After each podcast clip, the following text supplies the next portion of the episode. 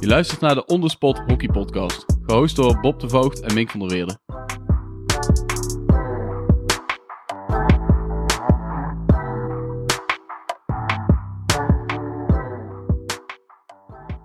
Welkom bij alweer de vierde aflevering van de Onderspot Hockey Podcast. Zoals jullie inmiddels van ons gewend zijn, starten we ook vandaag weer met de actualiteiten van de Duitse, Belgische en Nederlandse velden, waar weer van alles gebeurd is en de ontknoping van alle competities in zicht komen. Maar niet onbelangrijk, vandaag zijn we op bezoek bij een zeer bijzondere gast waarmee we uitgebreid in gesprek gaan.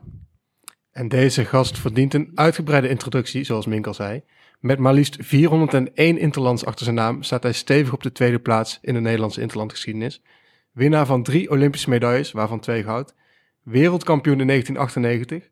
En dan hebben we het nog niet over alle andere mooie prijzen die hij met Oranje heeft gewonnen. Als clubspeler heeft hij bij alle van de huidige Brabantse hoofdklasseclubs gespeeld. Met als grootste successen de landskampioenschappen met Den Bosch in 98 en 2001. Op zijn 38ste stopte hij zelf met hockeyen en koos hij voor een trainerscarrière. Waar we het zo ook zeker nog even over gaan hebben. Los van al deze mooie prestaties is hij een hele fijne teamgenoot, goede coach, een winnaar en absoluut iemand die je er graag bij wil hebben. Vandaag on spot Jeroen Delmee. Ja, Jeroen, eh, dank dat je te gast wil zijn in de podcast vandaag. We zouden eigenlijk een aantal weken terug met je opnemen, maar toen kwam er even wat tussendoor. Onder andere corona uh, speelde daar een rol in. Maar uh, diezelfde week uh, werd ook bekend dat je de nieuwe bondscoach wordt na de Olympische Spelen van Tokio. Ja. ook gefeliciteerd met je, met je mooie aanstelling. Ja, dankjewel. Ja. daar gaan we dadelijk ook nog wel eventjes wat verder op in. Maar we gaan beginnen bij het begin.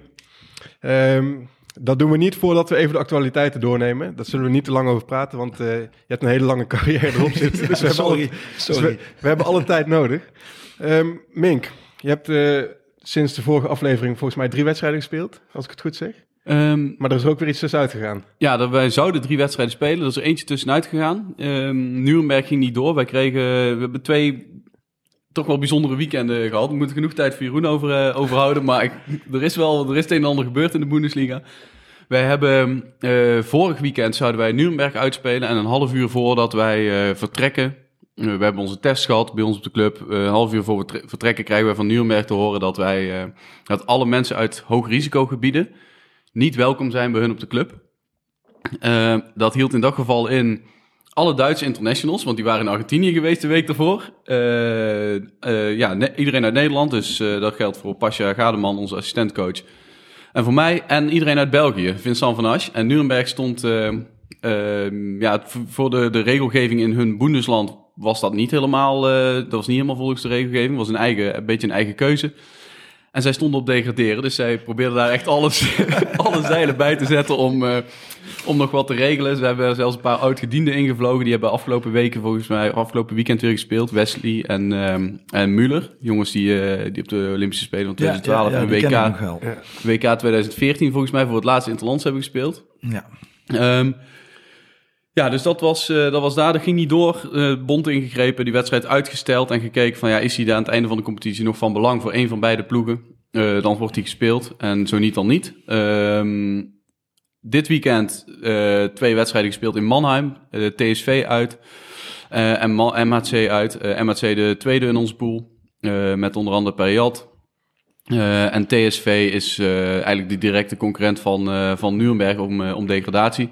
Zaterdag tegen TSV gewonnen met 4-1. Prima. Uh, zondag 1-1 tegen, tegen Mannheim, uh, de MHC. Uh, dat was ja wel een goede wedstrijd. Hadden we wel mogen en moeten winnen, vind ik. Maar goed gespeeld. Defensief echt niks weggegeven op één kantje. Nou ja, die gaat er dan in. Dat is even zuur, maar wel, wel een sterke wedstrijd gespeeld. dus dat was lekker. En met een vrij bijzonder einde. Ja, je had hem bijna verloren. Er was in de laatste, we hadden nog één, uh, één lange corner uh, in de laatste minuut of zo. Dus die, uh, die ja, de, zoals Duitsers doen, gewoon lekker even bal vasthouden, rondspelen. Uiteindelijk gaat hij over de achterlijn, kwam niks uit. Zij spelen nog één hoge bal en daar komt Tom Grambusch met een 1 tegen 1 op interceptie voor zijn vent. En Tom denkt met nog drie seconden op de klok, ik heb geen zin in gezeik. Het zal allemaal wel. Die staat net buiten de 23 en die pakt gewoon rustig die bal met zijn hand en hij duwt hem zo over de zijlijn. Oh. en achteraf zeiden, ja, ik heb gewoon geen zin in gezeik. Ik weet dat ik hier, dit is hetzelfde als expres met je voet spelen. Ik krijg hier een gele kaart voor. Volgende week is het playoffs. Dit telt toch niet mee. Maakt niet uit. En ik had gewoon geen zin om hier die wedstrijd nog te verliezen. Ja, wie weet. Ik heb wel lang geblesseerd geweest. Ja, als ik hem nou net, net misstop, dan heb je toch nog een kans tegen. Moet ik gewoon niet hebben. Ja, zo Dus kan het heel, ook. heel zakelijk. Heel ja, voor mij typisch Duits. Dus echt heerlijk om, heerlijk om te zien. Eh, nou, een hoop consternatie. Heel die bank van Mannheim erbij.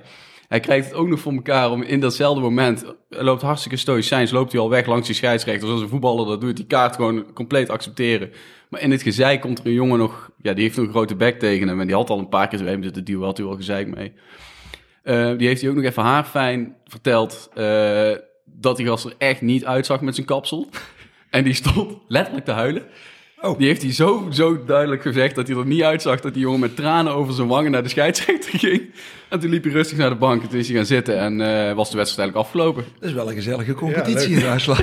Ja, we hadden het met- Fali vorige week over, dat ze daar in Duitsland misschien iets zakelijker zijn, maar zo zakelijk dat... eh, Ja, dit was wel echt extreem. Dit was echt heerlijk om te zien. Maar het is wel, alles bij elkaar is het wel een beetje tekenend voor die, voor die competitie. Het is, eh, eh, als wij bijvoorbeeld, eh, als je ergens uitspeelt, je neemt nooit je eigen ballen mee. Je krijgt altijd ballen van de tegenstander, want ballen worden overal gejat. Het is ook een soort van spel om even weer een paar ballen van de tegenstander mee te nemen. Eh, maar je krijgt, de ballen die je krijgt om in te spelen zijn gewoon alles wat ze in de sloot en... Van die en- bakstenen. Van die je. bakstenen. Je krijgt geen koeka. Je moet vragen om twee koeka's voor de corners en het partijtje. En verder krijg je een set van die gladde ballen. Ja, dat kan toch ook niet meer. Dit gaat, nee, dat slaat helemaal nergens op. Maar goed, dat is de, de, de vriendschappelijkheid die daar eh, heerst in die competitie. En Dus dat- jij neemt nog wel je eigen ballen mee. ik neem één, één bal mee voor de Ja. corner en dan... En die je ook niet deelt met je nee, teamgenoten. nee, nee, nee, nee, want daar is hij weg. Dat moeten we niet hebben. Dus eh enerverend weekend, maar we hebben onze EAL binnen. eh, want we zijn eerste geëindigd in de overall standing. Eh, en eh, komend weekend gaan we de, de play-offs spelen. Top. Dus genoeg meegemaakt. ja, lekker weekend. Nou, Ja. in België, België. dan, Bob. Nou, daar gaan we. We hebben verloren. Ja, nee, geen, eh, geen mooi nieuws van mijn kant. Eh, we speelden eigenlijk om de eerste plek in de play-down pool, zeg maar, de degradatiepool tegen Heracles. Ehm, nou, dat was eigenlijk een test na een paar makkelijkere wedstrijden. En eh, nou, daar zijn we niet voor geslaagd. Helaas 3-1 verloren, dus eh, ja, dat is wel zuur. Ehm, even wel iets, of in ieder geval bijzonder is, eh, de- play-offs in België. Eh, die zijn nu zeker. Ehm, even goed zeggen, wat, wat Dux, Oré, Leopold en eh, Dragon gaan de play-offs spelen om kampioenschap. Wat wel een verrassing is, want Gent stond er eigenlijk zo goed voor toen ze aan die pool begonnen, dat, dat het eigenlijk al een soort van zeker was dat zij het gingen halen. Ja. Ehm, en die hebben dus niet gehaald op de allerlaatste dag. Ja, daar zitten Eh, vier internationals bij. Dus die ja. zullen allemaal wel eh, Franse Ja, internationals. dus die zullen wel teleurgesteld zijn. Ja. Hadden geloof ik één keer gelijk gespeeld in de eerste ronde. En uiteindelijk hebben ze het echt zelf eh, Ja. nog weggegooid. Dus Ja. jammer voor die jongens. Ja, dus nou, dat is wel een verrassing. En nou, voor Dragon, nou, die hebben het op de laatste dag dus uiteindelijk wel gehaald. En die zijn zelfs nog eerste geworden in de pool. Dus die gaan wederom strijden om het, om het kampioenschap. En voor ons resten nog twee wedstrijden. En we zijn zeker, vorige week al. Ehm, dus eh, we spelen de competitie eigenlijk uit. En dan eh, zit het er voor ons over twee weken ook alweer op. Dus eh, niet heel veel nieuws te melden. Ehm, even de hoofdklasse. Niet heel veel gebeurd. Jeroen, je hebt de drie wedstrijden niet gespeeld. niet, niet, Nou, ik heb vier wedstrijden of vijf wedstrijden kunnen volgen op de livestream. Een beetje lopen zeppen tussen alles. Ja, bij ons is natuurlijk ja, voor de derde keer op rij niet doorgegaan.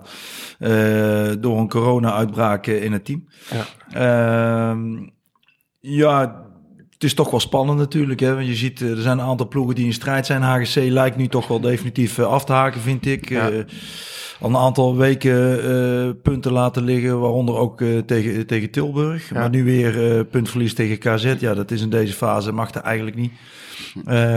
Ja, Rotterdam zal misschien toch uiteindelijk wel blij zijn nog met een gelijk spelletje tegen Pinoquet, waardoor Pinoquet niet, niet in kon lopen. Maar had eigenlijk nog de kans met een uitspeelcorner om zelfs nog eh, de winst binnen te halen. En ik denk daarmee ook eh play-offs binnen te halen. Maar het zal toch nog wel spannend blijven. Ja. Waarbij ja, Rotterdam toch nog wel een zwaar programma heeft. Ik geloof de volgende is Bloemendaal. Eh, en eh ja, Den Bosch eigenlijk op papier denk ik het makkelijkste programma. Ja, Dus er kan, zaken. ja, ja, dus er kan, er kan toch nog wel van alles gebeuren. Bloemendaal Kampong was natuurlijk eigenlijk al een zekerheidje. Maar ja, het is toch een leuk einde zo. Ja. Voor ons iets minder, maar eh, we zijn Ja. nog niet klaar. Maar ik- zat even naar de stand te kijken en jullie staan, ondanks die drie wedstrijden minder gespeeld, eh, nog steeds veilig. Eh, boven de ploegen KZ, Hurley en Almere, Ja. als ik het goed zeg. Ja, Ehm, en jullie spelen nog tegen Hurley en ja Almere? Hurley, Almere nog. Ja. En wij, ja, wij hebben eigenlijk nog alle ploegen die in strijd zijn om play-offs. Dus wij hebben nu donderdag Rotterdam, dan zondag Den Bosch. Dan hebben we weer een donderdag Almere. Dan zondag de laatste competitieronde officieel voor iedereen tegen Pinoquet. Ja. En wij halen de wedstrijd van afgelopen zondag tegen Hurley halen wij in na de competitie.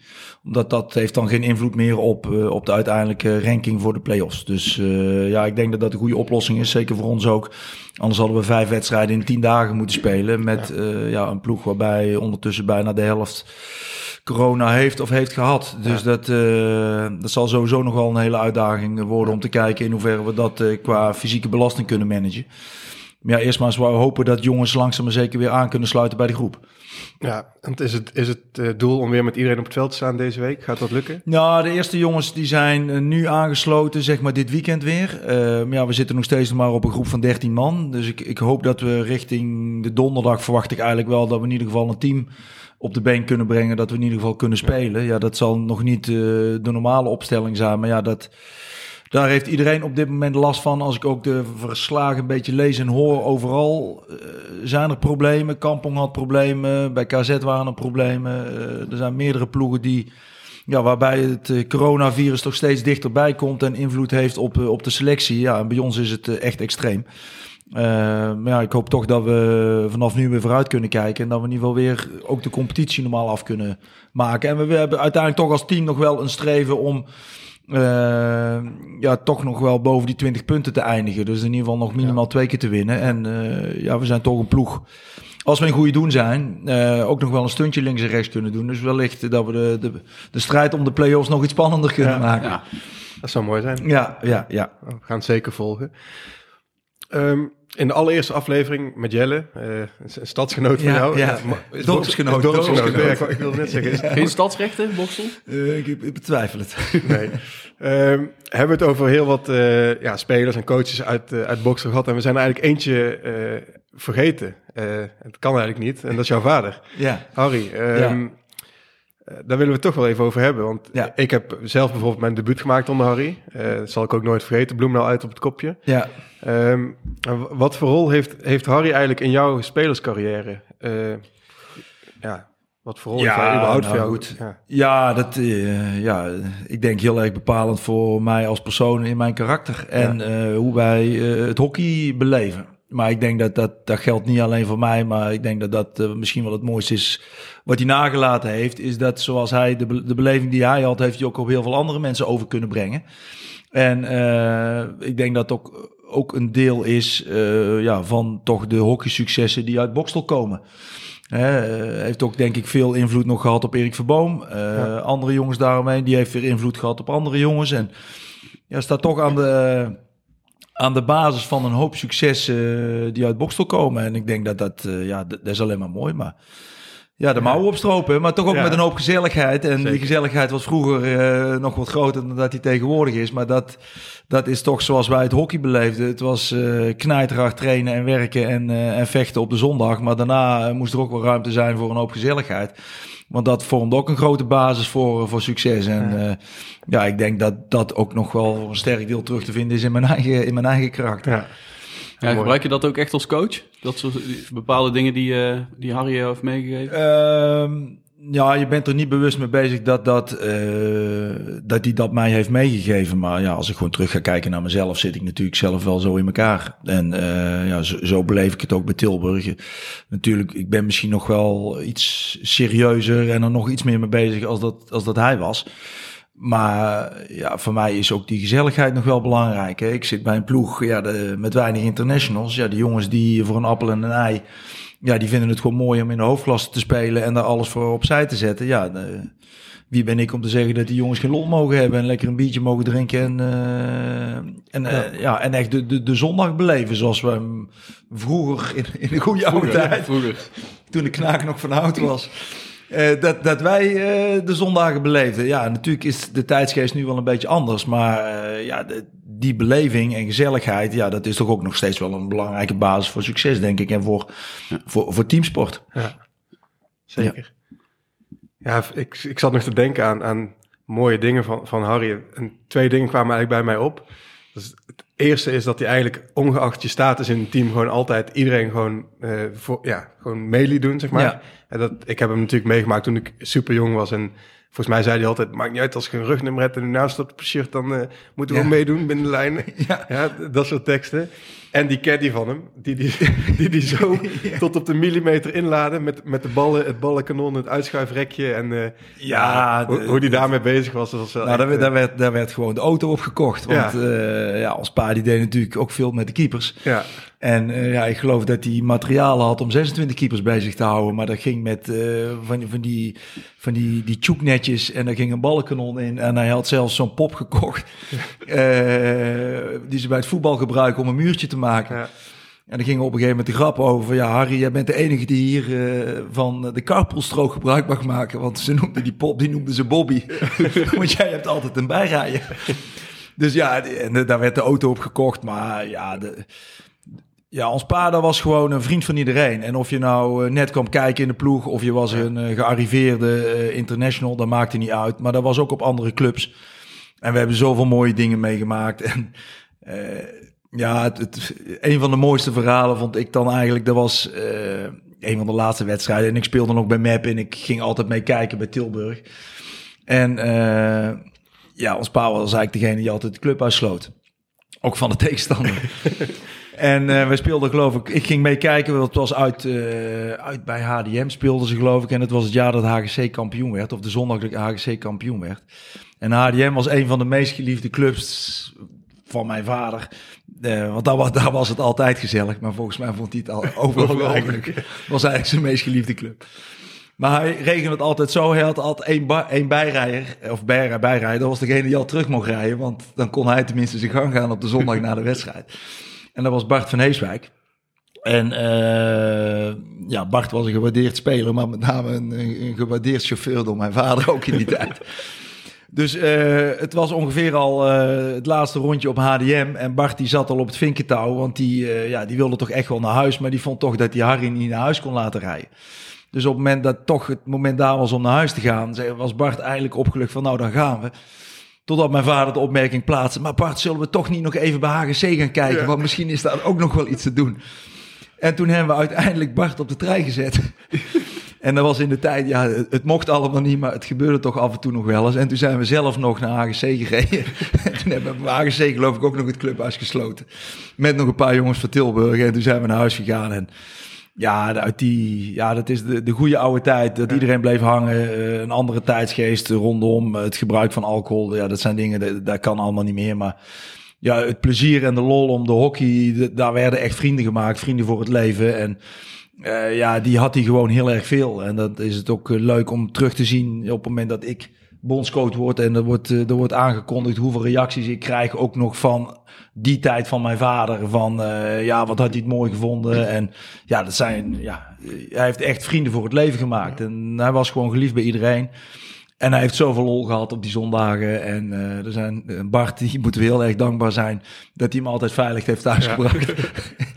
maar ja, dat, dat, was, dat was het hockey. Dat was, ja, de, de zondag was gewoon heilig. En eh, ja, dat het is, ja, nu vind ik af en toe wel eens een beetje jammer dat dat. De punten zijn nu heilig, maar de gezelligheid en de sfeer eromheen is, is niet meer heilig. Dat is veranderd. En dat vind ik. eh, daar kijk ik soms met weemoed nog wel eens naar, naar Ja. terug. Wij ook. Ja. Daarom zitten we uiteindelijk hier. Ja. En daarom zijn jullie in een ander land gaan hockeyen. Ja, waarschijnlijk. Ja, goed. Oké, we gaan door eh, naar, naar jouw spelerscarrière. Ja. Eh, nu ben je coach, maar je bent ook heel lang speler geweest. Ja. Hoeveel jaar heb je uiteindelijk hoofdklasse gespeeld? Eh, ja, volgens mij is het iets van 20. Dus ehm, eh, één jaar bij MEP, meteen gedegradeerd. Daarna via Tilburg. De langste periode bij Den Bosch, 11 jaar Den Bosch. En ehm, uiteindelijk ook nog afgesloten bij, bij Oranje Zwart. Dus ja, ik mag het woord niet in de mond nemen, maar de clubhoer van het zuiden altijd. Alles gehad ongeveer in de Ja, omgeving ja. waar ze iets kunnen, daar heb ik gezeten. Ja. En, in eh, 20 jaar tijd is in dat op 20 zich jaar ook wel tijd, dan valt, het, dan valt het wel mee. Ja, En precies. het is niet zo van het ene jaar naar het andere jaar, maar ik heb eh, overal evenveel plezier gehad. Ja. Eh, fantastische teams gehad en eh, ja, maar zeker met Den Bosch echt mooie, mooie successen behaald, waar ik enorm trots op ben. En met eh, ja, echt nog de vriendenteams, zal ik maar zeggen, met, met weinig buitenlanders, eh, veel Nederlandse jongens allemaal uit de regio. Eh, ja, wat toch ook altijd wel weer een bijzondere band eh creëert. Dus ja, enorm veel, veel plezier gehad. En uiteindelijk toch, toch jammer vond ik het uiteindelijk dat ik gestopt ben. Maar ja, op een gegeven moment kun je niet anders meer. Ja, op een gegeven moment moest... Ja. Ja, Ja, je, je noemt net trouwens je, je kampioensjaren met Den Bosch. Daar zit één wedstrijd bij, waar wel een bijzondere anekdote aan hangt. Oeh. Die, die wedstrijd tegen Amsterdam, Eh, in de play-offs. in de Ja. play-offs. Ja, dat was... eh, ja, hebben- ze hebben eigenlijk, daar hebben we heel veel verhalen over gehoord. Iedereen vertelt het nog steeds, Ja. maar ik ben eigenlijk wel benieuwd naar hoe het nou echt gelopen is. Nou, wij hebben wel meer bijzondere dingen meegemaakt. Maar dit was wel het extreme. Maar we hebben ook een play-off wedstrijd gehad. Dat we een andere manager hadden. En die was de, de shirts vergeten. En we stonden geloof ik met 30 graden in de trainingsjack met getapte nummers te spelen. Ja, dat ging helemaal nergens over. Nee, maar dat was echt... eh, Ja, dat was in de tijd eh, dat eh, Abbas nog speelde bij Amsterdam. De corner. En ik denk dat dat nog steeds... Ja, ik denk nog steeds dat je harder pusht dan dat Payat nu doet. Of dat, dat jij doet. Of dat Jip, Jip Jansen nu doet. Maar die, die gast die pushte zo hard. En we krijgen een corner tegen. En ik denk dat we gelijk stonden. En die push die, die bal zo verschrikkelijk hard op de achterstang van de goal. Maar ja, het klonk als de paal. Ja. En eh, ja, iedereen stond een beetje te kijken eigenlijk. Verdwaasd te kijken, wat gebeurt er? Behalve Sander van der Weijden. De droogheid zelf, die pakt gewoon die bal. En die neemt die bal gewoon uit. Terwijl Amsterdam, ja, de scheidsrechter aanvalt eh, van ja, het is een goal. Nemen wij die bal uit en wij, wij counteren eigenlijk met vier man tegen één, geloof ik. En ja, er wordt iemand van ons neergehaald, geloof ik, in die counter. En wij krijgen dus aan de ene kant een strafbal, eh, terwijl aan de andere kant eh, staat Amsterdam met, eh, met nog zeven, acht man te protesteren. Voor een goal. En wij krijgen de andere, aan de andere kant de kans op een goal in de, de beslissende wedstrijd, geloof ik, voor de play-offs, voor de finale. Ja. En ja, toen ontplofte de hele boel. En ik geloof dat eh ik- Rogers, Westbroek stond in zijn pak ineens op het veld met flessen bier erbij. En ja, er gebeurde van alles wat, ja, wat eigenlijk achteraf nog steeds niet weten, wat was het nou? En eh, toen moest Mark van die moest die strafbal nog gaan nemen, want dat was natuurlijk toch wel eh, cruciaal. En die heeft, ja, ja, die heeft die strafbal genomen. En die ging erin, maar ik geloof dat ongeveer vier, vijf man van Amsterdam tijdens die strafbal al op twee of drie meter achter Mark stonden Ja. in de cirkel. Van nou, als je sportief bent, dan mis je hem. dat het commentaar. Maar ja, Mark die pusht hem binnen en wij, wij gaan uiteindelijk met, eh, met de winst aan de haal. En eh, ja, dat, eh, ja, het wagen zat helemaal vol. En ja, dat, wij zijn daar door de, achteruit, ach- door, de, ja, de, door de uitgang ergens zijn wij daar verdwenen. Want het was gewoon... ja, we stonden gewoon niet, niet garant voor de veiligheid daar. Dat is echt... eh, ja, dat is echt ontploft. En sindsdien ook hebben ze toen de tijd die schuime, die schuime dingen op die achterstangen eh, gemaakt. Om toch een beter te kunnen signaleren. Maar die, ja, die bal die zat er uiteindelijk gewoon in. Maar die was zo knijterhard. Ja. Dat, eh, ja, dan moet je maar niemand aantrekken die zo hard kan pushen, zeggen we dan. dus ja, dat was, ja, dat, dat, was, dat was uniek. Maar ja, we hebben meer natuurlijk... eh, als ik kijk naar die play-offs, eh, ook de, de finale tegen Amsterdam, het eerste kampioenschap met Den Bosch, dat de verlichting uitvalt. Ja. Eh file op de A2, dat was de, de eerste finale van de heren van Den Bosch. Ja, de- wat daar allemaal gebeurde. Je zat te wachten in het donker met kaarsjes erbij. En van ja, gaan we nog spelen?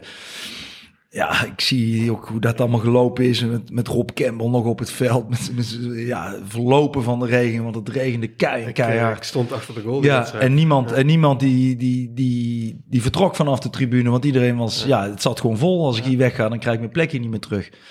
Dus we hebben wel veel bijzondere eh, play-off momenten gehad, moet ik zeggen. En eh, ja, de Amsterdam was wel bijzonder. Maar ja, de eerste keer als je zelf wint en in zo'n, in zo'n ambiance als op Den Bosch.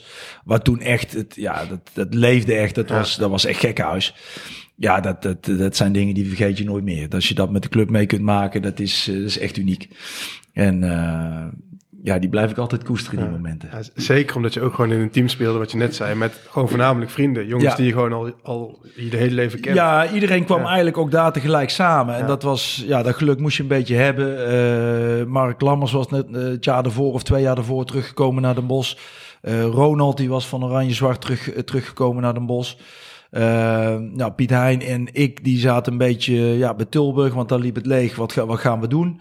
Eh was ook net het moment dat Sander van, Sander van der Weijden moest gaan kiezen van eh, ja, na map wat ga ik doen. En ja, eigenlijk binnen twee, drie jaar kwam eigenlijk alles wat international was in het zuiden kwam, kwam ineens bij elkaar in, in Den Bosch. En eh, ja, daar hebben we uiteindelijk een jaar of eh, vier, vijf echt van kunnen profiteren.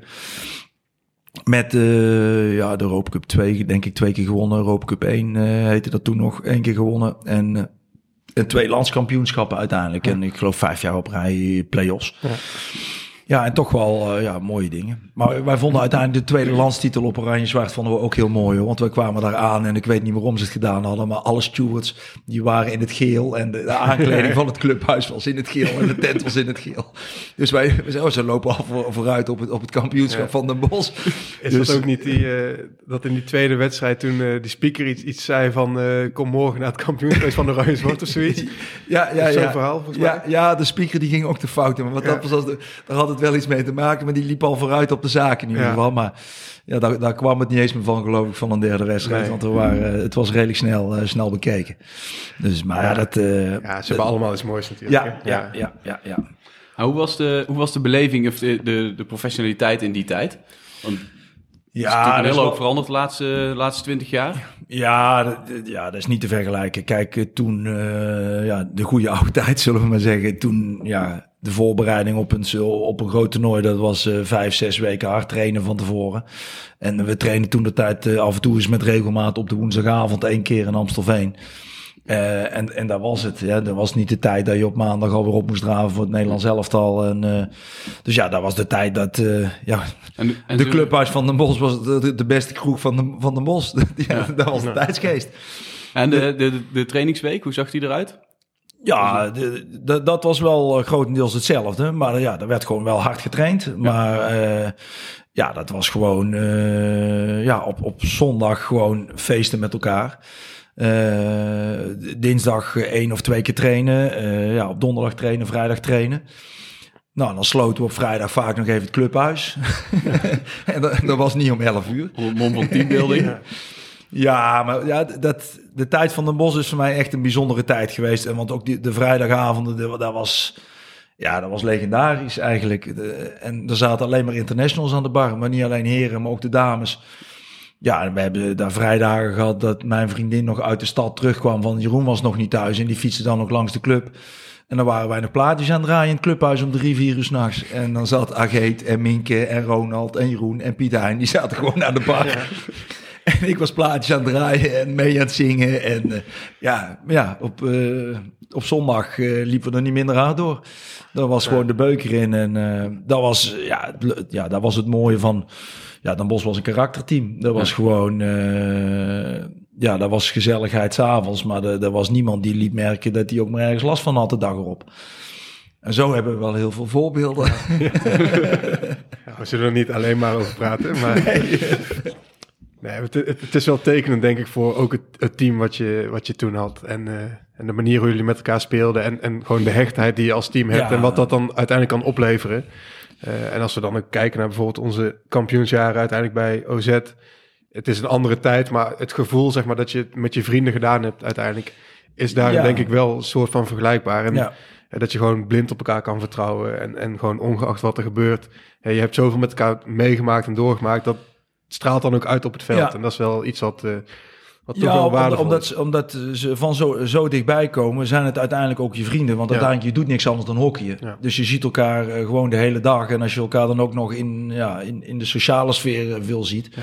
Ja. daar worden uiteindelijk vriendschappen voor het leven gemaakt. En ook al, al kom je elkaar nu misschien minder tegen, op het moment dat je bij elkaar bent, is het gewoon weer oude jongens krentenbrood. En ja, dan heeft iedereen weer dezelfde verhalen en hetzelfde plezier en dezelfde lol. En dat is toch anders nu dan dat je af en toe nu bespeurt ook van, eh, eh, ja, ook ja, bij Tilburg, ja, je hebt wat meer jongens ook die van buiten afkomen. Eh, Je hebt wat meer buitenlanders, ja, en die, die komen en die gaan weer. En die nemen ook weer een stuk geschiedenis mee weg die, die niet meer terugkomt. Die band is gewoon, Ja. ja, dat is toch anders. Het, het, het, het, is, het zijn andere vrienden. En al zijn het nog wel vrienden, maar die, die connectie is toch iets, iets bijzonders op het moment dat je echt, ja, echt uit hetzelfde dorp komt of uit dezelfde stad komt. En, Ja. dat, eh, Ja. en ja, en, en ook ja, terugkijken naar die lichting. eh Den Bosch is natuurlijk toch wel een hele bijzondere lichting geweest. Als je kijkt wat er nu allemaal met die jongens gebeurd is eh, op hockeyvlak. Ja, dan is eh Raoul is nu bondscoach van de dames van België. Sjoerd is bondscoach van, van de dames van India. Ik, ik word de bondscoach van, van Nederland. Mark Lammers is bondscoach geweest van, de dames van Nederland en de heren van België. Ja, dat, dat is toch, geeft toch wel aan Ja. dat dat een bijzonder, een bijzonder clubje is geweest. Ja. En eh, ja, dat is, ja, dat vind ik ook wel weer apart dat dat dan toch zo bij elkaar is gekomen op een gegeven moment. Dus, Ja, zeker. ja. Ehm, je bent buiten clubspeler natuurlijk ook lang international geweest. Ehm, weet je je eerste interland nog? Eh, ja, eh, dat was eh, Zuid-Afrika volgens mij. Samen met Tigo Vermeer speelde ik mijn eerste interland. Kaapstad, Ja, Stellenbosch? ja, nee, nee, nee. eh, Potjestroom? Nee, nee, ook niet. Ook? Nee, nee, nee. Wel een, op een ander. dan weet ik niet meer precies waar het was. Maar het was, ja, het was wel in Kaapstad. En ik speelde hem volgens mij net iets. We, hadden, we hebben denk ik vier of vijf wedstrijden tegen Zuid-Afrika gespeeld. En ik speelde hem net iets eerder dan, dan Tigo. En eh, was denk ik januari, denk ik 94. Ik zat vanaf 93 bij de selectie na het WK onder 21. En ehm, ja, dat was onze voorbereiding geloof ik toen op een Champions Trophy die we in maart of zo hadden met, eh, met Pakistan. Dus ja, er zijn natuurlijk toch bijzondere momenten, maar daar gebeuren ook weer gekke dingen, want daar hebben we nog interlands gespeeld. Eh, in het donker, eh, waarin sommige spelers denken, nou als we dat toch in het, in het donker staan, dan kunnen we ook wel een keer ons broek naar beneden trekken. Dus, ja, dat was... eh, Toen werden wedstrijden ook nog niet gefilmd zeker? Nee, die werd, toen had je allemaal social media niet. Maar Nee. toen deden we toch. Ja, denk nou, dan laten we van de nood een deugd maken. Dus, eh, nee, dus we hebben, ja, de, ja mooi. Dat, waren, dat was het begin van iets moois uiteindelijk. Want uiteindelijk zijn er daarna nog 400 gevolgd. Dus eh, ja, het is toch allemaal niet voor niks geweest, hè. Nee, zeker niet. Wat is je meest bijzondere? Ehm, ja, dat is, dat is wisselend. Hè. Als je eh, naar resultaat kijkt, dan is dat natuurlijk toch wel de, de Olympische finale. De, de, van de eerste, eerste gouden medaille in, in Atlanta. Als je als ja, voor de eerste keer een Olympische, ja, de Olympische Spelen is al bijzonder. Het waren mijn eerste Spelen, dan ook nog de finale. Eh, ja, met name ook het team. Als ik kijk naar het team wat we daar hadden, ja, dat, dat, dat was een team met alleen maar coryfeeën. Als je daar naar kijkt, Ja. dat, dat waren alleen maar toppers. Eh, dat ik daar onderdeel van uit mocht maken, dat, dat vond ik, ja, daar ben ik onwijs trots, trots op. Eh, ja, als je kijkt in de emotie, ja, dat is natuurlijk de, het feit toen ik record international werd in de Champions Trophy in Barcelona. Ja, toen was ons pa, die was ziek, die kon er zelf niet bij zijn. Eh, ja, dat, dat was in emotie natuurlijk wel, ja, dat was wel een hele pittige. Ja. Maar ja, eh, ook omdat je iets bijzonders... Ik ging Jacques voorbij, dat vond ik al eh, bijzonder. Eh, ja, dan wil je toch eigenlijk de mensen die je dierbaar zijn... eh, zeker binnen je hockeycarrière... en ook nog als dat eh, je vader is, dat die daarbij kunnen zijn. Maar ja, toen wisten we al een beetje welke kant het op ging. Dus ja, dat, dat kon gewoon niet anders. Maar dat was wel een... ja, ik heb er geen bal aangeraakt, denk ik, in die wedstrijd. Maar die, ja, die moest gewoon gespeeld Ja. worden. En uiteindelijk wonnen we dat toernooi wel. En eh, daar was ik blij mee. Ja, en verder, ja, goed. Toernooien die je wint, die blijven, eh, die blijven, die blijven bijzonder. Het WK in 98, ja, volle bak Galgenwaard. Ja, de, ja, dat zijn dingen die maak je nooit meer mee. Een, eh, Champions Trophy finale in Lahore voor een vol stadion. Ja, dat, dat, ja, dat kun je je bijna niet voorstellen. Maar dat, ja, en op het moment zelf ook, dan, dan, ja, dan, dan beleef je het. Maar achteraf denk ik toch van, ja, shit man, dat was toch wel bijzonder. Dat was toch wel apart dat we dat allemaal eh, mee hebben mogen maken. Die heb ik ook opgeschreven, want Ja. dat is wel echt iets wat... Kijk, wij hebben ook wel voor, voor volle stadions gespeeld, maar zoiets als in Lahore spelen is gewoon iets wat onze Ja. generatie gewoon nooit heeft meegemaakt. Dat gaat, dat gaat, ja, dat, dat- en, dat, en dat is echt, ja, dat is bijzonder. Maar alles in Pakistan vond ik eh, bijzonder. Ik heb altijd met heel veel plezier, eh, ging ik naar Azië toe. Ook als we nu, ja, we al moeten weer voor de 600 keer naar India, dan vind ik India nog steeds leuk. Ja. Ik, ik hou van de cultuur, een andere cultuur, de beleving van, eh, van het hockey. Maar hetzelfde had ik met, met Pakistan. En dat is dan in de ontwikkeling eigenlijk nog, Ja. nog drie stappen achter op, eh, op India. Maar ja, ik, ik vond dat... Ja, daar werden de lijnen weer gekrijt. En er zaten in de volle aanloop naar, zijn, naar de start van het toernooi. Iedereen die zat een beetje rondom het veld nog te knutselen op de hurken. Ja. Om wat dingetjes, de reclameborden te schilderen. En ondertussen stond Bovenlander, die stond die corners binnen te timmeren op de training. Ja, en dan zat er gewoon eentje, die zat gewoon naast de paal. Die zat gewoon te schilderen. Ja, die, die kon je hartstikke doodslaan. Maar dat is niks veranderd. Nee, dat is nog nee, steeds nee, zo. ja. Ja.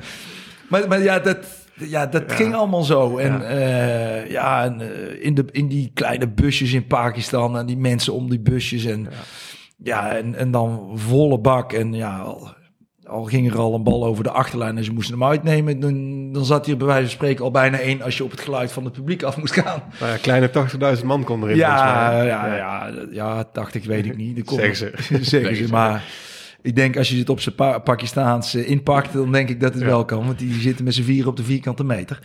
Eh, waar je ongeveer 1 euro per jaar neer kan zetten, kunnen zijn wel met z'n vier. Maar nou ja, dat, dat, ja, daar blijven bijzondere dingen. En eh, ja, daar hebben we echt mooie dingen allemaal meegemaakt. En dat is een gemis dat het nu niet meer is. Dat vind ik echt jammer, want dat is toch qua beleving van de sport en als international, als je dat, dat mee mag maken, dat is, dat is toch anders. Dat is toch Ja. anders. Want vind je nu eh, dat er te veel toernooien op dezelfde plek gespeeld worden bijvoorbeeld? Ja, natuurlijk. Ja, natuurlijk eh, ja, zou je ook wel eens een keer niet in India willen spelen. Hè? Maar eh, ja, goed, ik, eh, ik heb zelf met Frankrijk natuurlijk het laatste WK nog gespeeld in India. Dan zit je in Bhubaneswar en dan, eh, ja, dan zit er wel gewoon een vol, vol stadion Ja. met wedstrijden. En dat duurt natuurlijk, ja, dat is, toernooi duurt wel lang. Maar ja, krijg je het elke wedstrijd zo vol. En niet alleen maar de wedstrijd van het thuispubliek, maar ook alle andere wedstrijden. Ja, en als je dat voor elkaar, ja, dat heeft ook waarde. Ja. En ik denk voor spelers ook dat ze, ja, ook al is het dan elke keer weer in India, maar als je elk, elke wedstrijd voor een vol bak, eh, vol, volle bak mag spelen, ja, dat is voor de uitstraling en de beleving van een speler, eh, ja, toch wel heel erg mooi, denk ik. Ja. Wat ook mooi, ja, kun je een toernooi in eigen land spelen is ook mooi. Hè, Want dan zit het voor jou, ja, voor het eigen land zit het wel vol. Maar, maar ja, er zijn ook wedstrijden waar, ja, waar, waar niemand zit. Nee, klopt. En dus Dat heb je daar natuurlijk ja, wel. ja. en dat ja, blijft natuurlijk toch een beetje het nadeel van de, van de hockeysport. Ja, het is in Nederland vol en het is in India vol. En eh, in België wordt het ook niet tegenwoordig eh, goed vol. Eh, maar ja, in andere landen kom je al snel in kleinere stadions... waar toch een amb- andere ambiance gecreëerd wordt... dan in India, Nederland of in België, denk ik. Ja. Ja, zeker als het thuisland niet speelt. Ja, Ja, mee eens. ja. In ehm, eh, jouw interlandperiode, die, eh, je hebt eigenlijk 401 interlands gespeeld, waarvan een heel aantal ook nog na 2004. Ja. Maar je hebt toen wel een, eh, dat was geen vanzelfsprekendheid, toch? Nee, daar, nee, nee. Ik zat echt een beetje in, in dubio. na de Spelen in Athene. Eh, ja, eigenlijk, ja, zo zie ik het achteraf zelf. Eh, mensen die hebben een bepaald verwachtingspatroon. En zeker, want dat was nog in die, in die tijd met hockey. Van ja, hockey, dat is hobby, dat is bijzaak. En eh, ja, het wordt een keer tijd om te gaan werken. Ja. Van zou je niet stoppen met hockey en, eh, en gaan werken. Dus ja, zo werd ik eigenlijk een beetje de twijfel aangepraat van... eh, ja, goed, het is misschien wel mooi geweest. elf jaar Nederlands elftal, denk ik. zeg ik dat goed? Ja, zoiets. Ja, het is wel, misschien is het wel mooi geweest. En toen werd Roeland de nieuwe bondscoach.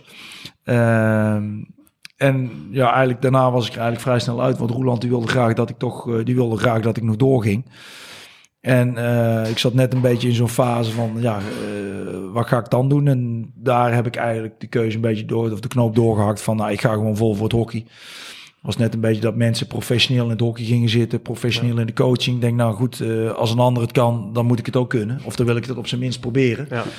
Eh, dus toen heb ik eigenlijk definitief de knoop doorgehakt om eh, volledig in te zetten op het hockey. En eh, ja, als ik daarin nog iets maatschappelijks wilde doen, dat wel in het teken te laten staan van het hockey. Dus niet het hockey aanpassen aan het werk, maar het werk aanpassen aan het hockey.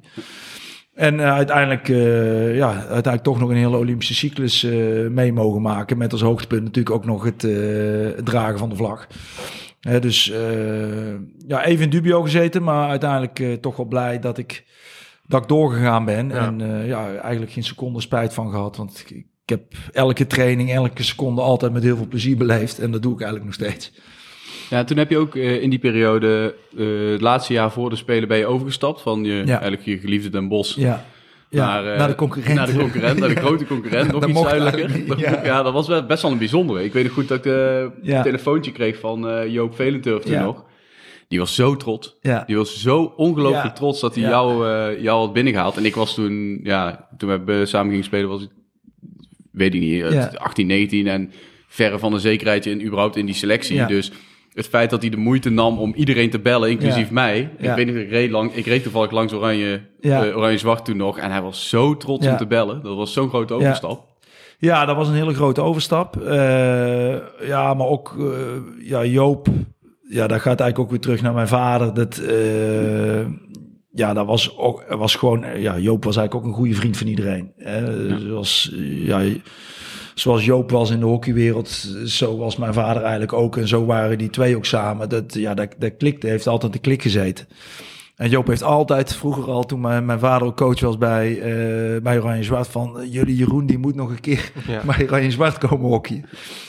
Nou, daar heeft hij alles voor gedaan om dat voor elkaar te krijgen. Want uh, toen de tijd hadden we ook nog uh, het hockeycollege. Ja. dus daar had hij me al voor weten te strikken om, om daar training te geven.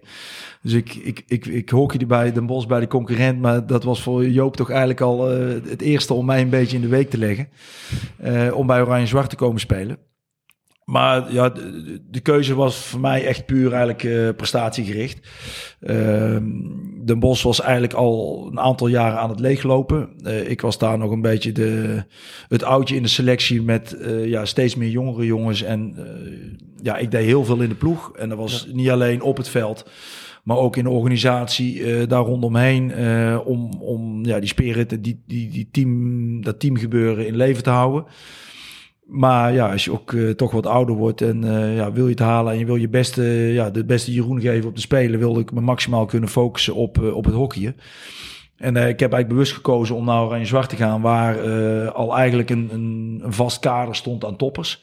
En waarin ik eigenlijk zelf iets meer in de schaduw kon staan van, uh, van de anderen. Van ja, ik hoef me niet bezig te houden met de randzaken. Ik moet gewoon hockeyen. Ik moet zorgen dat ik doe wat ik moet doen, wat er van mij verwacht wordt. En dan kan ik me volledig focussen op nog een goede Olympische Spelen. Dat was voor mij eigenlijk de, de belangrijkste drijfveer. Uh, om die overstap te maken. Los van, ja, ik heb nooit die haatnijd zo gehad uh, tussen de Bos en uh, Oranje-Zwart. Natuurlijk waren dat wel speciale wedstrijden en derbies. Ja, die mocht je niet verliezen.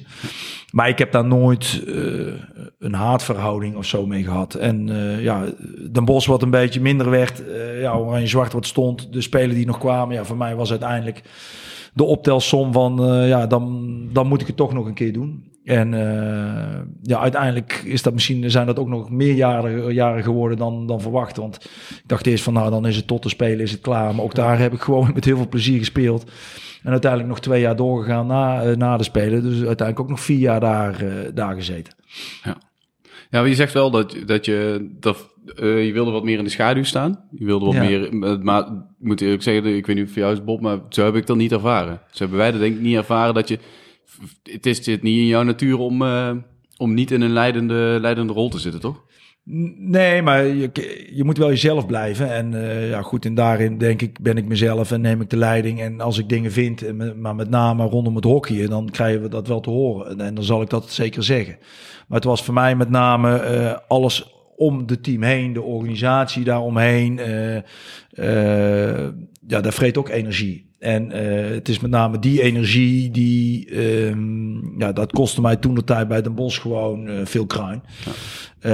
Uh, om dat continu maar weer op de rit te houden, waarin je gewoon voelde dat dat een ploeg was die aan het wegglijden was. En ja, we hebben, geloof ik, vier, vijf jaar op rij zijn we vijfde geworden. Ja, ja net niet de play-offs, aan ah, net niet, maar we zijn zo dichtbij, het zal wel goed komen. Uh, dat was een beetje de, de insteek. Maar ja, ik, ik zag gewoon dat dat niet meer goed kwam. Ik zag dat elke keer, uh, ja, er moet, er moet kwaliteit bij. En dat, dat kregen we niet voor elkaar. En uh, ja, op een gegeven moment stond je bijna tegen degradatie te hokken. Ja, en dat, dat vreet energie om, ja, hoe trek ik die ploeg daar uit die, die, die regio's weg? En hoe blijf ik, blijven we een topploeg? En ja, dat zag ik gewoon niet meer gebeuren. En die energie, ja, ja, die, ja, die hoefde ik er niet in te steken bij Oranje Zwart. En uh, het was met name die energie daaromheen. Ja. Uh, ja, wat mij mogelijk ja, in staat stelde om mij gewoon een hok hockey ja. maximaal op Oranje-Zwart te kunnen richten. En op uiteindelijk de, ja, de, de best mogelijke Jeroen uh, op te spelen nog in, uh, in 2008. Dus nou, ik heb geen, ik, ik heb geen stap minder gezet bij Oranje Zwart van nou, ik ga hier uh, rustig aan doen. Ik heb ja, volle bak gespeeld voor de winst. Ja, ja, zo ik, hebben wij dat denk ik ook ervaren. Ja, en ook, maar ook meteen als wel binnenkomen als echt wel als leider. En dat heeft natuurlijk met een beetje status op dat moment te maken, maar ook wel nee, met maar karakter. Dat, dat, dat, ja, dat vond, maar dat vond ik ook normaal. Je kunt daar niet binnenkomen van, ja jongens, zeg maar nee. wat ik moet doen. De, de, ja, daar ben ik, daar ben ik de, jongen. nee. Daar, ben ik, daar, daar was ik de, de speler niet voor. Nee, maar zoals ik, het is met name dat er omheen en die spanning van ja, we moeten, we moeten, we moeten, want het, het gaat verkeerd. Die energie die was er niet meer. En ja, Ja. bij, ja ik heb er eh, ja, altijd overal waar ik gezeten heb alles aan gedaan om het maximale eruit te halen. En dat, ja, dat zag ik bij, bij Den Bos niet meer gebeuren. En bij Oranje Zwart, eh, ja, ik denk dat we dat goed gedaan hebben. Of in ieder geval, eh, ik heb daar het, ook daar het maximale gegeven. En ja, we hebben helaas niet meer het kampioenschap mogen vieren. En ook geen EHL meer mogen vieren. Dus daar baal ik nog wel van. Ja. Maar eh, ja, ook dat was, ja, we hadden gewoon echt, ook daar, ook daar hadden we gewoon weer echt een mooi team met fantastische spelers. En eh, ja, ik heb er ook weer van genoten. Ja, die EA zeker die EAL was, eh, die hadden we Ja, die halve was finale tegen HGC, dat, eh, dat doet mij nog steeds pijn. Dus dat we daar... niet over hebben. Eh, nou ja, goed. Iedereen, het was op HGC. De credits zijn aan hun. eh, maar ik vond het toch wel pijnlijk dat ik eh, dat hun uiteindelijk daar moest zien staan. En dat was mijn laatste kunstje, geloof ik. eh, Ja. Ja. Voor, eh, voor Oranje Zwart. En eh, ja, dat was mooi geweest om daar op, met, met een beker afscheid te nemen. En Daar ja, hadden we de ploeg ook voor. ja, we hadden alles. We hadden alles. En daarom is het zo frustrerend. dus daar kan, ik nog steeds, Absoluut. kan ik nog steeds van balen. Ja, en ook die laatste wedstrijd, die verliezen we ook nog. Ja, het was ja. gewoon een compleet... eh, Ja, ja, dat, eh, ja, goed. Dat, de, de echte pijn zat hem in die halve finale Ja, tegen, tegen. HGC. En daar hebben we gewoon ons niveau niet gehaald. En dat je dan Rob Short met, eh, met die bekers zit staan. jongens. Dat had ik moeten staan, zeg Ja. ik dan. Potverdorie. Maar goed, het, eh, het is zo. Dat hoort er ook bij. Hoort Ja. er ook Ja. bij. Nou, wat voor jou, eh, na, nadat je eigenlijk in 2004 besloot van oké, ik ga toch nog door. Eh, het maatschappelijke buiten het hockey is niet per se... eh, dat staat helemaal niet zo vast als, als iedereen altijd eh, doet voorkomen. Was Ja. vanaf dat moment ook echt eh, bewust dat je coach wilde worden? Of heb je daar- Nee, nee, ja, ja, we- wel dat ik die kant op wilde. Hè, ik was eh, ja, via dat hockeycollege toch al wel wat training aan het geven. Ehm, ja, ook qua speler die ik was. Ja ik, ja, ik ben een denker. Ik was altijd nadenken over, over hockey en tactisch en hoe we dingen op konden lossen. En hoe je dingen eh, zou moeten kunnen trainen. Ja, daar was ik altijd wel mee bezig. Maar ja, op, het moment dat je speelde, ben je speler. En eh, dan ben je niet bezig om te coachen. Alleen die kans die kwam voor mij heel erg snel op het moment dat ik stopte als international. Toen werd ik eigenlijk meteen gevraagd om aan te sluiten in de staf bij het Nederlands damesteam. Ja. Ja. Dus toen heb ik al meteen, ja, eigenlijk ben ik meteen in het diepe gegooid. Dus ja, mijn, mijn, mijn coachcarrière loopt eigenlijk een beetje tegen de stroom in. Want iedereen begint eigenlijk vaak op een club en bouwt zich op. En eh, mag dan een keer ruiken aan het internationale eh, hockey. En ik ben eigenlijk meteen in het internationale hockey eh, gedoken. En ja, was voor mij helemaal top dat ik natu- dat natuurlijk kon combineren met, met zelf nog spelen. Hè, dus ik was coach of assistent dan bij Herman Kruis bij de dames. Nou, later werd ik assistent bij de Belgen van, eh, van eh, bij de heren van België. Dus ja, ik was trainer van Thomas Briels en eh, ook Ja. teamgenoot van Thomas Briels. Maar ja, ik, ik kon dat toch altijd redelijk goed scheiden van elkaar. En ja, toch voor elkaar weten te krijgen. Ook in, in, in, de, in de verhouding met bijvoorbeeld jongens als Thomas. Dat dat nooit, nooit elkaar gebeten heeft. Dus die, die konden zich ook maar heel makkelijk eigenlijk bewegen tussen ja, de roltrainer en de rol, de rolspeler. Dus dat was uiteindelijk ook alweer... eh was ook wel weer heel interessant en, eh, eh, en leuk. Maar ja, dat, dat is eigenlijk na 2008 met werkrijk meteen ingezogen. En ja, dat is eigenlijk niet meer veranderd. Dus je bent eigenlijk pas bij Tilburg voor de eerste keer in Nederland gaan, gaan coachen, als ik het goed zeg. Ja, ja, ja. Is dat een bewuste keuze geweest om uiteindelijk ook eerst België... Kijk, je hebt natuurlijk wel de, de Nederlandse dames ja. die rol gehad, maar op clubniveau. Eh, je hebt bij Praxatta gecoacht, bij, Ja. de, bij de nationale ploeg en uiteindelijk ook bondscoach bij België. Is dat Ja. een, een route die je voor jezelf zo hebt, hebt uitgestippeld? Nee, dat is, eigenlijk, nee, dat is eigenlijk een beetje... eh, Ja, je, je moet soms een beetje geluk hebben. Of eh, ja, soms moet je opvallen of mensen hebben die, die goed werk herkennen, zal ik maar zeggen. Ehm, ja, de dames dat ik daar meteen in moest schuiven, dat was natuurlijk, ja, denk ik een gelukje. De wisseling van de wacht daar met staf. En ja, ja, dat, dat, ja, dat is gewoon goed gelopen en eh, daar kon ik meteen aan de slag. En eh, maar ja, we werden tweede op het WK met de dames in Argentinië. Eh, ja, en als je tweede wordt in Nederland, dan is het niet goed genoeg. Dus dan ging, mocht, moest de coach eruit. Dus Herman die, ja, die, die mocht niet verder. En ja, dan, kwam, ja, dan weet je eigenlijk ook niet wat er met de staf verder gaat gebeuren. Dus daar zat een beetje een impasse in. En ik, ik, hoorde, eh, ja, ik hoorde daar verder niks. En eh, ja, goed, ik, had zelf, ik was zelf nog aan het spelen. Dus ik denk, nou, ik, ik, zie wel. En ineens kwam, eh, denk een, een anderhalf, twee maanden later, kwam ineens eh, Bert Wentink eh, langs. En met eh, ja, een heel slagvaardig pakket. Met eh, ja, je kunt de club doen, je kunt assisteren bij België. Eh, je mag onder 21 doen bij België. En ja, daar heb ik eigenlijk niet zo lang over na hoeven te denken. Ik denk, nou goed, als Nederland niks van zich laat horen. En eh, ja, ik vond het eigenlijk ook wel interessant om een keer Ja.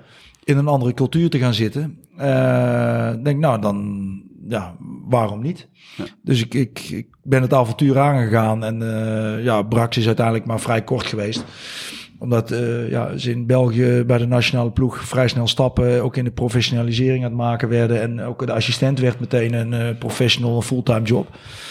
Zat ik daar eigenlijk meteen eh, fulltime in. En eh, ja, daar werd je ook eh, eigenlijk meteen mee ingezogen. Ja. En ja, dan, dan gaat de tijd uiteindelijk zo verschrikkelijk snel.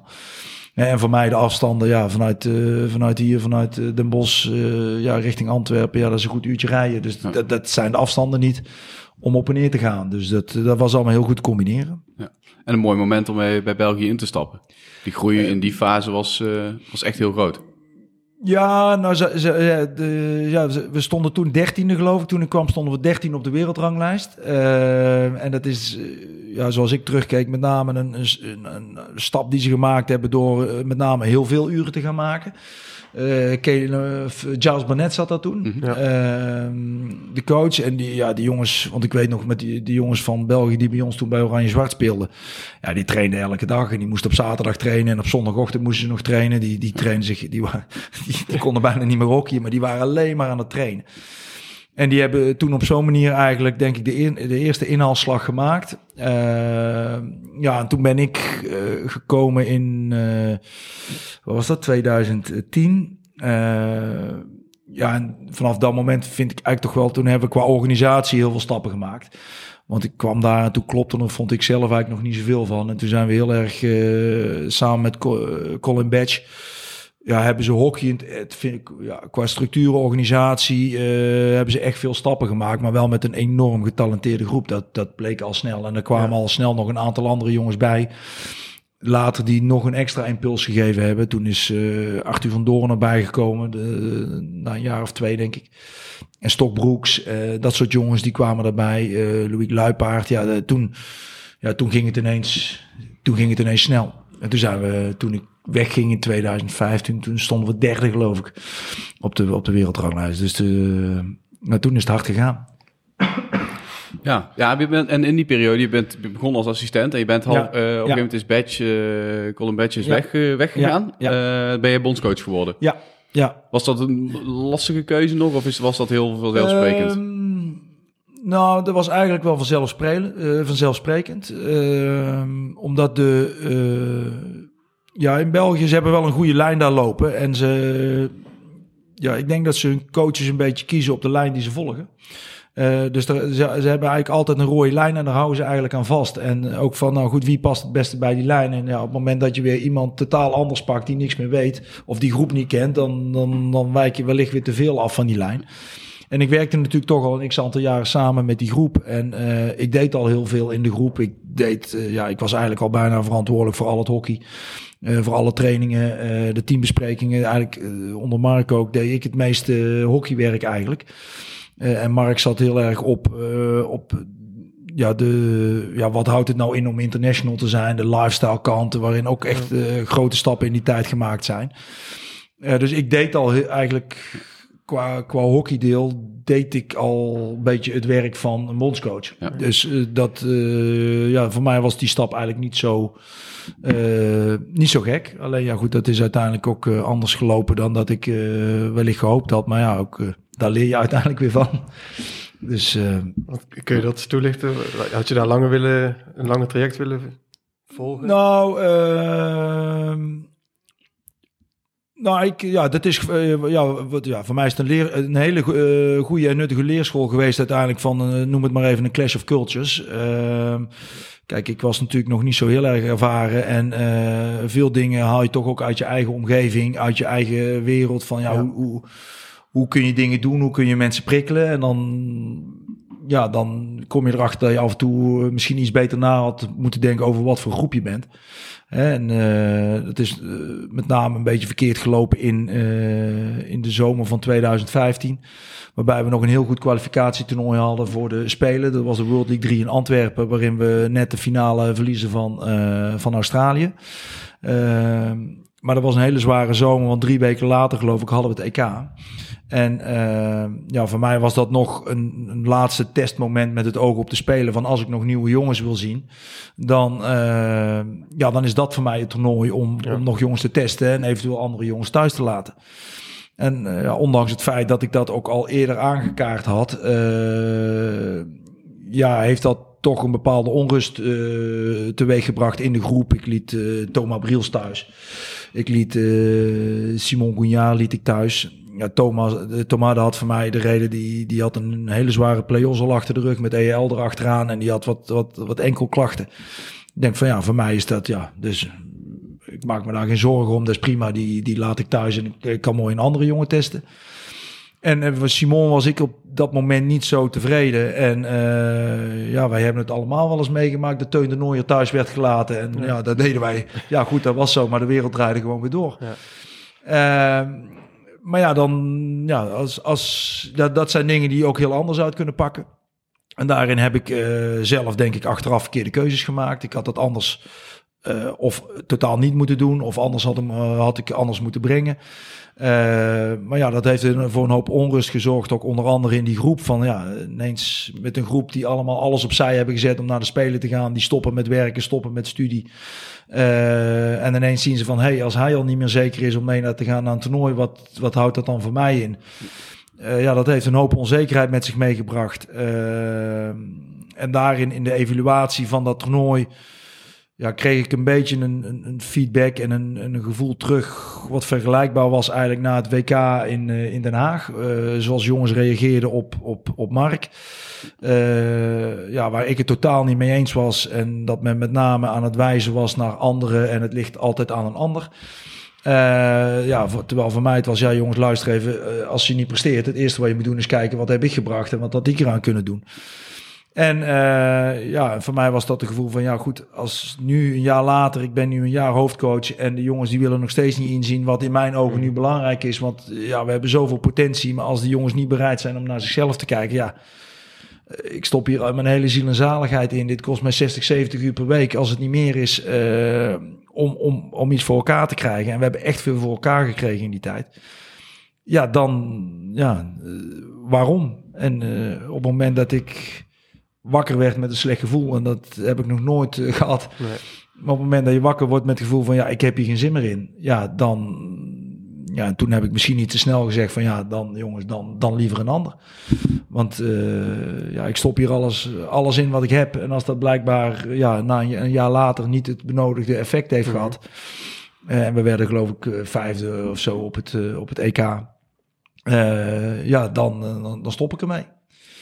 En uh, ja, achteraf denk ik dat ik uh, ja, wellicht uh, ja, ik denk te snel gereageerd heb en ook te veel gekeken heb van ja, wat is er dan allemaal niet goed gegaan. Terwijl als ik kijk wat we in dat jaar allemaal nog bewerkstelligd hebben en dat je eigenlijk mee aan de basis hebt gelegen ja, voor precies. de keuzes van, van de jongens om fulltime te gaan voor de Spelen, alles opzij te zetten en, en, ja, en ja, dat jongensboek zeg maar te openen. En dat is uiteindelijk uh, ja, een mooi boek geworden voor die jongens met, met, met een Olympische medaille. Ja, dan had ik daar misschien uh, een keer langer over na moeten denken. En uh, ja, dat zijn de lessen die je leert. Ja. Ik, ja, het loopt zoals het loopt. Ik heb daar verder ook geen spijt van. Dat is een hele goede les voor mij geweest. Ja, ik heb alles met alle overtuiging gedaan. Iedereen maakt fouten. Ja, en dan, dan leer je daarvan. En dan moet je daar zorgen dat je weer een betere coach wordt. Ja. Zo is het. Ja. Um, je, je, bent zeker niet gestopt met coachen. Uiteindelijk ben je Frankrijk gaan coachen. Ja. Misschien best wel een, een verrassende, uh, uh, voor, in ieder geval voor de Nederlandse hockeykenners, een verrassende keuze. Ja. Uh, maar je hebt daar wel met het WK, wat je net ook al aanhaalde, echt wel een heel mooi hoogtepunt volgens mij behaald. Ook door de kwartfinales te spelen. Ja. Um, hoe ben je daar terechtgekomen en hoe beleven ze eigenlijk het hockey in, in Frankrijk? Ja, uiteindelijk hangt alles een beetje aan elkaar vast. Uh, kijk, ik stopte toen met, met België. En uh, ja, ik, ik ben 15 jaar international geweest. Ik ben daarna eigenlijk meteen doorgegaan met spelen en ook coachen uh, met de dames. Ja. Dus ja, mijn leven werd eigenlijk al 20 jaar lang beheerst door hockeyprogramma's. En ik had eigenlijk zoiets op dat moment van nou, uh, het zou ook wel eens een keer lekker zijn als ik een keer kon bepalen van nou, wat ga ik vanavond eens doen. Ja. Dus ik had uh, voor mezelf een soort van sabbatical ingelast. Uh, om gewoon even ja, een keer ook naar die affaire België, zal ik maar zeggen. Om een keer een stap terug te doen en gewoon alles lekker te laten bezinken. En gewoon eens een keer lekker op zondag een potje te kunnen gaan kijken zonder de stress. En en uh, ja, dat vond ik eigenlijk wel lekker. En uh, tot uh, ja, ineens werd ik toch benaderd door Tilburg om, om voor Tilburg iets te gaan doen. En die stonden, stonden toen nog in de, destijds de overgangsklasse. Ja. En die stonden wel mee bovenin, maar het was helemaal niet zeker dat die zouden promoveren. Maar ik, ik vond het wel gewoon leuk om te coachen. En ik heb een historie bij die club. Ik denk van, nou goed, dan, dat, dat wil ik dan wel weer doen. En ik heb een jaartje daardoor niks, niet, niet gehockeyd. Dus ik was goed en wel bij, bij Tilburg begonnen. En ja, uiteindelijk via België en Frankrijk, die zat ook in, een beetje in de lift naar boven toe met een goede, goede generatie jonge hockeyers. Ja, zijn eigenlijk via de spelers van België hebben die eigenlijk mij weer getipt bij Frankrijk van nou goed, als je vooruit wil, dan moet je, uh, dan moet je met Jeroen aan de slag. En zo ben ik eigenlijk uh, ja, daar weer gaan praten. En eerst zou ik eigenlijk een paar keer assisteren bij hun. Uh, in aanloop eigenlijk naar hun World, World League om zich te kwalificeren voor, ja. voor het WK. Nou, dat heb ik een paar keer gedaan. En, en, toen wilden ze eigenlijk ook mee dat ik meeging naar de World League. Maar ja, dat was net het jaar dat ik ging trouwen. En mijn vrouw had er al meer dan twintig jaar op moeten wachten. Dus ik denk, nou, dat kan ik nu niet, dat kan ik nu niet nog een keer uit gaan stellen. Prima nog een jaartje erbij. ja, nee, dan denk ik dat het huis te klein was geweest. Um, maar uiteindelijk is dat goed gegaan. Maar de spelers, ja, die wilden toch graag iets anders. En zo ben ik eigenlijk weer van het een in het andere gerold. En bij Tilburg kreeg ik de vrijheid om die combinatie te doen. En oh ja, ook het voordeel, doordat het Frankrijk was met iets minder grote programma's uh, dan ze in Nederland of in België draaien, was dat ook te combineren. Ja, ben ik daar eigenlijk ook weer een mooi avontuur uh, aangegaan. En dat zou in eerste instantie tot aan het WK zijn. Uh, dan moesten we als doel eigenlijk halen om de top 10 te halen. Want dan zouden we met het oog op de Spelen in 2024 in Parijs, zou je in een ja, een, een, hogere schaal komen, waardoor je ook wat betere funding zou kunnen krijgen vanuit uh, de overheid en de Olympische comité's. dat is wel gelukt. En dat is, ja, ja, ja, ja, dus we hebben daar de kwartfinale verloren van Australië. Maar ja, ik ben met name trots op ja, hoe uh, of, ja, ik zit er nog steeds, dus ik ja. moet niet te veel in verleden tijd praten. Maar uh, ja, hoe we spelen, hoe we dat toernooi gespeeld hebben. Uh, en ook daarna nog hoe we ons gemanifesteerd hebben als Frankrijk. Dat je toch ineens ja, als ja, een, een, landje van niks eigenlijk in het hockey toch ineens uh, gezien wordt als... hé, hey, wat is er aan de hand? En je wordt ineens een interessante kandidaat ook om tegen te oefenen. Ja. Hè, de, vaak uh, al belde, belde Frankrijk op van Nederland, er werd niet eens opgenomen, zal ik maar zeggen. Dus, dus 033 of 034, laat me liggen, neem me niet op. En nu, en nu willen ze ineens oefenen tegen je. En ja, ja voor ons, ja, helaas, ja, goed, ook corona vrees ik een hoop uh, roet in het eten. Want ook na het WK hebben we de zomer daarna uh, we hebben de World Series gewonnen. We hebben het EKVB-landen gewonnen om terug te promoveren. Uh, en ja, we missen eigenlijk op een HANA uh, de Spelen met twee topwedstrijden tegen Spanje in ja. Spanje. ja, ja, met een vijandig publiek zal ik maar zeggen. Iedereen weet hoe het is. Als internationals weten jullie ook dat er rare dingen kunnen gebeuren. Ja, daar zijn we echt heel dichtbij geweest. Dus ja, een ploeg die bijna aanschuurt tegen de top 8. Uh, ja, dan vind ik dat we daar toch wel heel knap werk geleverd hebben in een, in een jaar of drie. Alleen ja, nu zijn we gewoon weer uh, anderhalf jaar teruggegooid, vrees ik. Dus dat is wel ja, bepalen. Door corona. Ja, ja. Ja, ja, wij hebben 18 maanden geen wedstrijd gespeeld. Twee weken geleden hebben we onze eerste Interlands weer gespeeld. Dus ja, dat wordt, uh, dat wordt een pittig, uh, ja, pittig EK. Nou, met... We hadden het daar uh, voor, voor de opname al even over.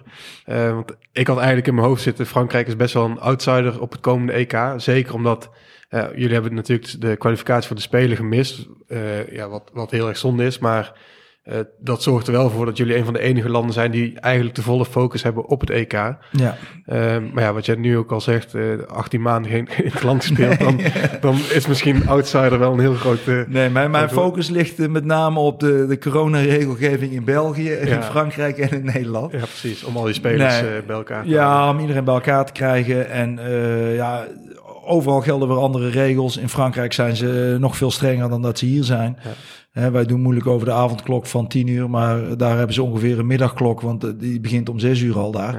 Ehm, maar goed, voor de, voor de sporters kunnen we daar wel, eh, wij mogen wel gewoon trainen, dat wel. Maar het, het is, ja, het is gewoon heel moeilijk om dingen voor elkaar te krijgen, om, om interland te spelen. Ehm, en zeker nu eigenlijk alles om ons heen. Eh, ja, speelt Pro League. Dus ook dadelijk in aanloop naar mij toe. eh, die spelen allemaal onderling. Eh, om dan nog landen naar Frankrijk te krijgen. Of om voor ons naar die landen toe te komen. Ja, is, is echt niet eenvoudig.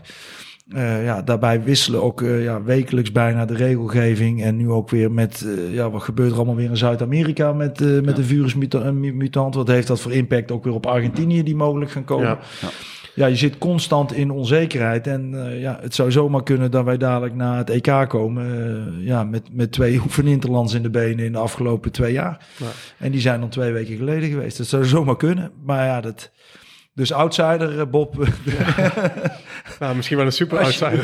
de super outsider. Dus ik zou een eurotje op Frankrijk zetten. Dan, dan, dan hou je er misschien 100.000 euro aan over. Ja, wie wellicht, weet. wellicht de moeite. Ja, ja, ja, wie weet. Ehm, heb, En- heb je concrete doelstellingen wel aan het EK, ondanks dat het Ja, zo moeilijk we is? wel, Ja. Ja, ja, ja, die hebben wel. Nou, kijk, ja, het is gewoon voor ons een heel belangrijk toernooi. Dat Ja. is het enige toernooi wat je zegt. Dat is natuurlijk wel onze focus ligt alleen maar daar. Ehm, eh, ja, we willen zo. Ja, het is een direct kwalificatiemoment voor het WK. Dus Ja. we willen sowieso de top 5 halen. Ehm, ja, en als je top 5 haalt, ja, op het moment dat je één sensatie in de pool teweeg zou kunnen brengen. Hè, we zitten natuurlijk met Nederland-Duitsland. Ja, wat ik denk echt niet. Ja, dat dat het is bijna onmogelijk. Maar eh, ja, stel dat je het voor elkaar krijgt, ja, dan ja, eh, je hoeft eens, je moet hopen Ja. op één sensatie en dan kun je zomaar ineens op een EK staan. Dat is gewoon het moeilijke van het EK, ook voor de toplanden. Dat is bijna het moeilijker om te winnen dan een WK. Ja, de concurrentie is zo groot en je kunt je echt geen foutje, eh, geen foutje permitteren, want het, het zijn maar drie poolwedstrijden. Eh, dus ja, als we dat zouden kunnen halen, dan zou het mooi zijn. Maar ja, goed, eh, daarnaast, we willen sowieso in de A-pool blijven. Dus we willen ook eh, ja, niet degraderen. Hè, maar ja, goed, ja, word je zesde, dan blijf je erin. Maar dan moet je toch nog weer ergens een kwalificatietoernooi gaan spelen, ja. Ja. hoe gaat dat allemaal lopen met, met COVID en hoe de toekomst eruit gaat zien? Ja, wie zal het zeggen? Dus laten we maar gewoon de top 5 halen. En is dat plek 5, dan is het mooi. Eh, dan zijn we rechtstreeks gekwalificeerd. En dan, eh, ja, dan neem ik trots, trots afscheid Ja. van, eh, van Frankrijk na het EK. Zou een heel mooi afscheid zijn, zeker. Ja. Ehm, nou, we hebben eigenlijk best veel behandeld. Ehm, heb je zelf nog iets waar je denkt, van, dan moeten we Ja, even terugkomen? Of eh, een mooie teamtrip of iets, iets leuks? Wat je... Nou ja, goed. Het mooiste zijn gewoon toch de herinneringen. En Ja. ja, ja ik zei toen, toen, toen straks ook al even voorafgaand aan, eh, aan de podcast van... eh, ja, je mist nog steeds eigenlijk het... Ja, missen. Ja, ik, ik, heb, ik ben gestopt op mijn 38ste, maar nog steeds denk je achteraf van... God, had ik niet nog een jaartje langer door moeten gaan. Hè, gewoon de, de, de lol van eh, gewoon met gasten op pad gaan. En Ja. eh, als ik kijk naar Den Bosch, we hadden altijd de twee busjes. En we hadden een vroeg busje en een laat busje. En het gevecht van, ja... Ik herken het ook nog. Ja. Van, van wie rijdt er mee in, een, in het late busje? En, meestal ja, 18 man in het tweede Ja, busje. en één chauffeur in busje één. Ja, en, ja, dat soort dingen, Dat, ja, dat, dat is mooi. En ja, natuurlijk, ik, ik vind het, ja, oh, ja, hockey is mijn passie, het is mijn leven. En ik, ik geniet van, ja, ik geniet, ik geniet nog meer van clubhockey eigenlijk dan van, van het internationale hockey. Want ik, ik, ik vind het echt leuk nu de combi van het allebei hebben. Want de club is gewoon elke week. Je kunt elke week kun je je aanpassen. Ja, we verliezen met 8-0 en met 8-3 in één weekend van, van Pinoquet. En daarna weet je toch de dingen zo bij te draaien. Dat je bijna, ja, je, stunt, je stunt tegen Oranje-Rood, je stunt bijna tegen Amsterdam, je stunt tegen HGC. Ja, Dat, dat is clubhockey. Ja. En dat, eh, ja, daar kun je, ja, dat, dat vind ik mooi. Maar internationaal ook, ja, daar gaat niks boven de internationale toptoernooien. De, de WK's, de Olympische Spelen, ja. Ja, het is allemaal even mooi. Hè? En eh, ja, soms zeg ik wel eens van, ja jongens, eh, moeten, het mag ook wel eens een tandje minder. We moeten onszelf niet te serieus gaan nemen. Want het moet ook vooral leuk blijven. Ja. En eh, ja, ik denk dat dat ook dadelijk de uitdaging wordt om, om samen met de clubs te gaan kijken met het Nederlands zelf. Van ja, hoe, hoe kunnen we dat gewoon weer, eh, ja, hoe kunnen we gewoon allemaal eh, er een hoop plezier aan beleven? Ja. Daar gaat het uiteindelijk om. Ik doe het echt omdat ik het leuk vind. Ja. En ik vind het eh, fantastisch dat ik al deze kansen krijg. En eh, ja, daar werk ik heel hard voor. Ehm, maar ja, zoals ik toen de tijd ook stopte met België. Ja, op het moment dat ik het niet meer leuk vind, ja, dan ja, ik doe het echt omdat het mijn passie is. En ik ben onwijs blij en trots dat ik mijn passie na mag, mag leven. En eh, ja, ik, ik doe er met zoveel lol. En ik heb lol met de jongens van Tilburg. En ik, heb, ik vind dit weer fantastisch. Ik vind het Ja, hartstikke leuk. toch? Ja. Ja. En ja, als we eenmaal gaan ouwe hoeren over hockey, ja, dan... eh, Misschien moeten we nog een tweede aflevering Ja, precies. Kunnen we misschien in twee knippen. Ik Nee, heb lang, genoeg meegedaan voor de anekdotes, dus Ja. eh, maar goed. Nou ja, laten we hopen dat, eh, dat je die passie nog een aantal jaar, in ieder geval deze zomer met Frankrijk en, en Ja. met Tilburg het goed kan afsluiten. Ja. En, eh, en het eh, Ja, zeker laten met we een mooi avontuur Nederland zelf toch wel maken. dat, hè. dus eh, Dat zou mooi zijn. En, ja, eh, ja, dat zal ook wel weer spannend en uitdagend Ja. worden, denk ik. ja, Ja. we kijken er met eh, plezier naar, Ja. naartoe. Ja, ja, ja. Mooi. Mooi. Ehm, ja, we gaan hem afsluiten. Eh dankjewel eh dat je de tijd eh, hebt, willen nemen voor ons. We zullen Ja. vast nog wel even doorkletsen. Ja, ja, ja. We zien elkaar zeker. over een maand of twee weer. Ja, precies. Ja, even kijken hoe we er dan voor staan. Maar eh, nee, super om even door jouw carrière heen te lopen. En eh, Ja. fijn dat je zo openhartig wilde delen Ja. met ons. En Ja. we hebben ervan genoten. Dus Ja. ja. dankjewel. Nou, hartstikke leuk. jongens. Mooi initiatief. Ja. Dankjewel. Ja. Wil je op de hoogte blijven van alles rondom de Onderspot Hockey Podcast? Volg ons dan ook op Instagram via onderspot hockeypodcast. Heb je suggesties voor leuke onderwerpen of gasten? Of heb je een vraag aan ons? Stuur dan een berichtje via de DM. Ja, en als je genoten hebt van deze aflevering en wil niks missen van de volgende afleveringen van deze podcast, vergeet dan niet te abonneren via Apple Podcasts, Spotify of via welk kanaal je dan ook mag luisteren. Laat meteen even weten wat je ervan vond en daar zijn we enorm mee geholpen.